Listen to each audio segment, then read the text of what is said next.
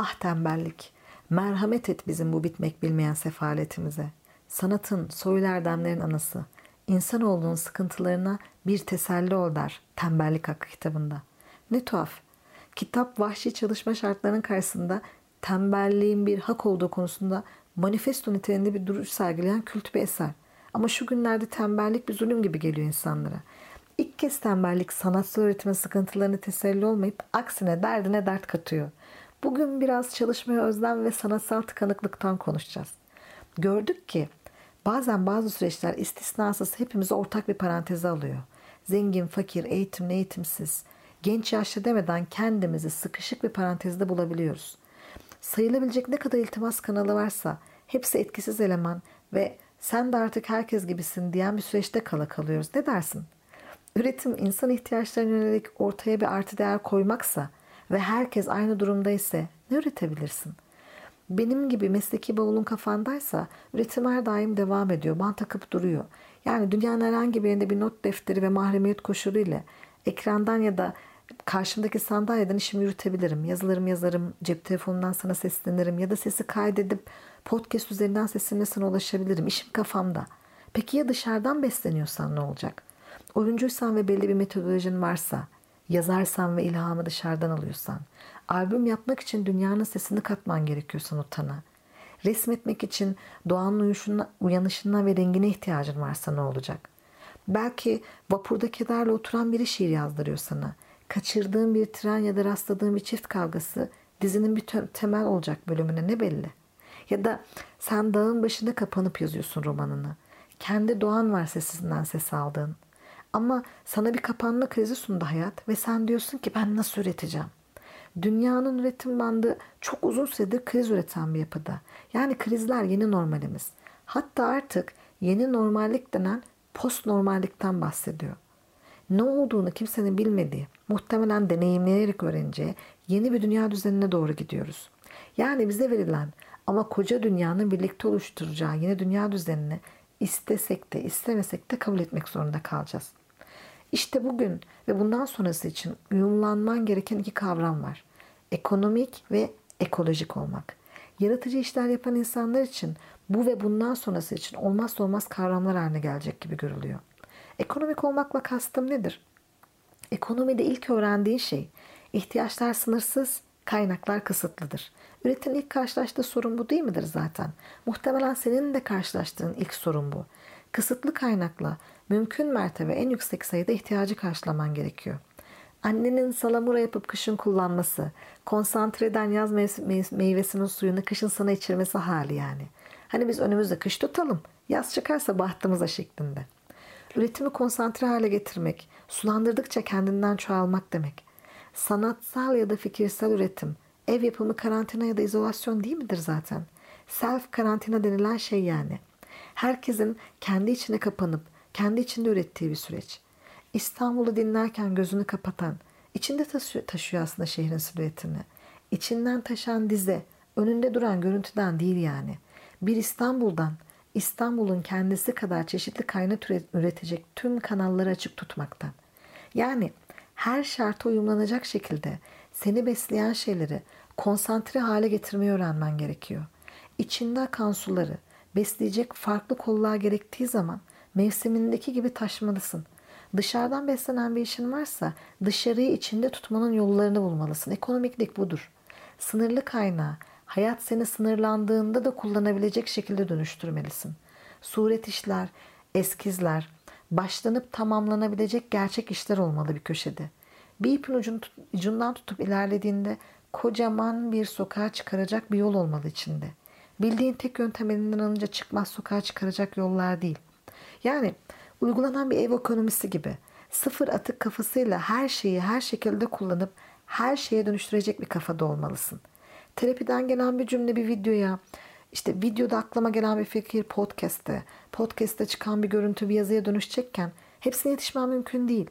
Ama bunlar elimde eskizler olarak bir köşede bekliyor. Çünkü üretim beni beklemiyor. Bir yerlerden bir an için belirdiğinde onu yakalamam gerek. Sulandırdığımda kullanmak üzere küflenmeyip bozulmayacak şekilde muhafaza etmem gerekiyor onu. Oyuncu, yazar, şair, senarist, ressam, heykeltıraş ya da müzisyensin belki. Benzer durum senin için de geçerli olmalı. Ekonomik olmalısın. Üretmek zorundasın demiyorum. Ama üretimde kalmaksa derdin malzeme her zaman önünde olmayacak. Çünkü yaratıcı işler yapmak kolay değil. Belki de en zoru. Fark yaratmak, zihninden, hayal gücünden damıtıp bir şeyler ortaya koymak, kendini yeniden ve yeniden doğurmak demek. Dünya yeni düzeni doğururken bu senin için çok zor olmamalı değil mi bu kadar doğurmaya aşinayken? Konsantre bir halle üretim işlerini biriktirebilirsin. Her an kapanacak ve her daim kaynaklara ulaşamayacak gibi içinde dönüştürülebilir kaynaklara sahip olmalısın. İlham ve üretim dediğimiz şey değişip dönüşen şeyler.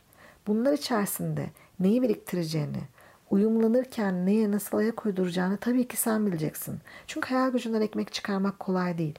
Okuduklarının, yazdığının, gördüğünün, duyduğunun, bir kokunun, birinin söylediği bir cümlenin, ötekinin bir bakışının ya da duruşunun, kulağa dolduran seslerin, ezgilerin ekmeğini yemek kolay değil. Bu ekmeğin sürekli pişer durumda olması için içinde konsantre kaynaklar olması çok önemli. Rahat ol, bol bol stok yap. Stok yaptığın için suçlanmayacağın tek yer burası sanırım. Çünkü böylesi bir üretimde stok yapıp dönüştürürken başkalarının ihtiyaçlarından yemiyorsun. Aksine insanlara ihtiyaçları olanı veriyorsun. Konsantre stokların sulandırdıkça üretim verecek sana. Birinden verim almazsan diğerlerinden alırsın. İçinde tekrar tekrar yeni kapıları çalacak. Devasa bir kriz bandına dönüşen dünyada ortak parantezlerin artacağı düşünülecek olursa kullanılabilir bolca kaynak olmayacak her zaman. Doğa ekonomiktir. Yaratıcı insan, senin doğan da ekonomik. Sadece içinde birikmiş sese, cümleye, görüntüye, kokuya, yüze, dokuya ulaşman gerek. Bundan sonrası için ekonomik davranıp biriktirdikçe biriktirmen, biriktirdiklerini başka başka şeylere dönüştürmen gerek. Doğaya baksan o anlatıyor zaten. Dışarıda onu rahat bıraktığımız an en kısıtlı kaynaklarını bile elinde kalan son çabayla yeniden var ediyor. Bir şeyleri bambaşka bir şeylere dönüştürüp bize mesaj veriyor. Bakmayı bilirsen bundan bu da çıkar. Buradan şuraya da gidebilirsin diye mesajlarını atıyor önümüze. Sokakları basan keçilerin, suları tekrar sahiplenen yunusların bize anlattığı bir şeyler olmalı. İstediğin an dönebileceğin kaynakların olduğu gibi görebildiğin takdirde dönüştürebileceğin cevherler de var. Peki şimdiye dek bunu yapmadıysan ya da yaptığını henüz keşfettiysen ne olacak? Orada da ekolojik olmak giriyor devreye. Bu psikolojide çok yeni bir kavram çünkü ekolojiklik sadece doğayla ilişkilendirilir. Ancak kısıtlı olan sadece dış kaynaklar değil. Beynimizin, duygularımızın, bedenimizin de bir sınırı var. Yani güzel insan iç kaynaklarımız da kısıtlı. O yüzden üretecek bir işle ilgiliysen sana en uygun olan yolu bulmalısın. Senin doğana uygun olan her şey seninle uyumludur. Yol bir tane ama yolculuk sana özgü.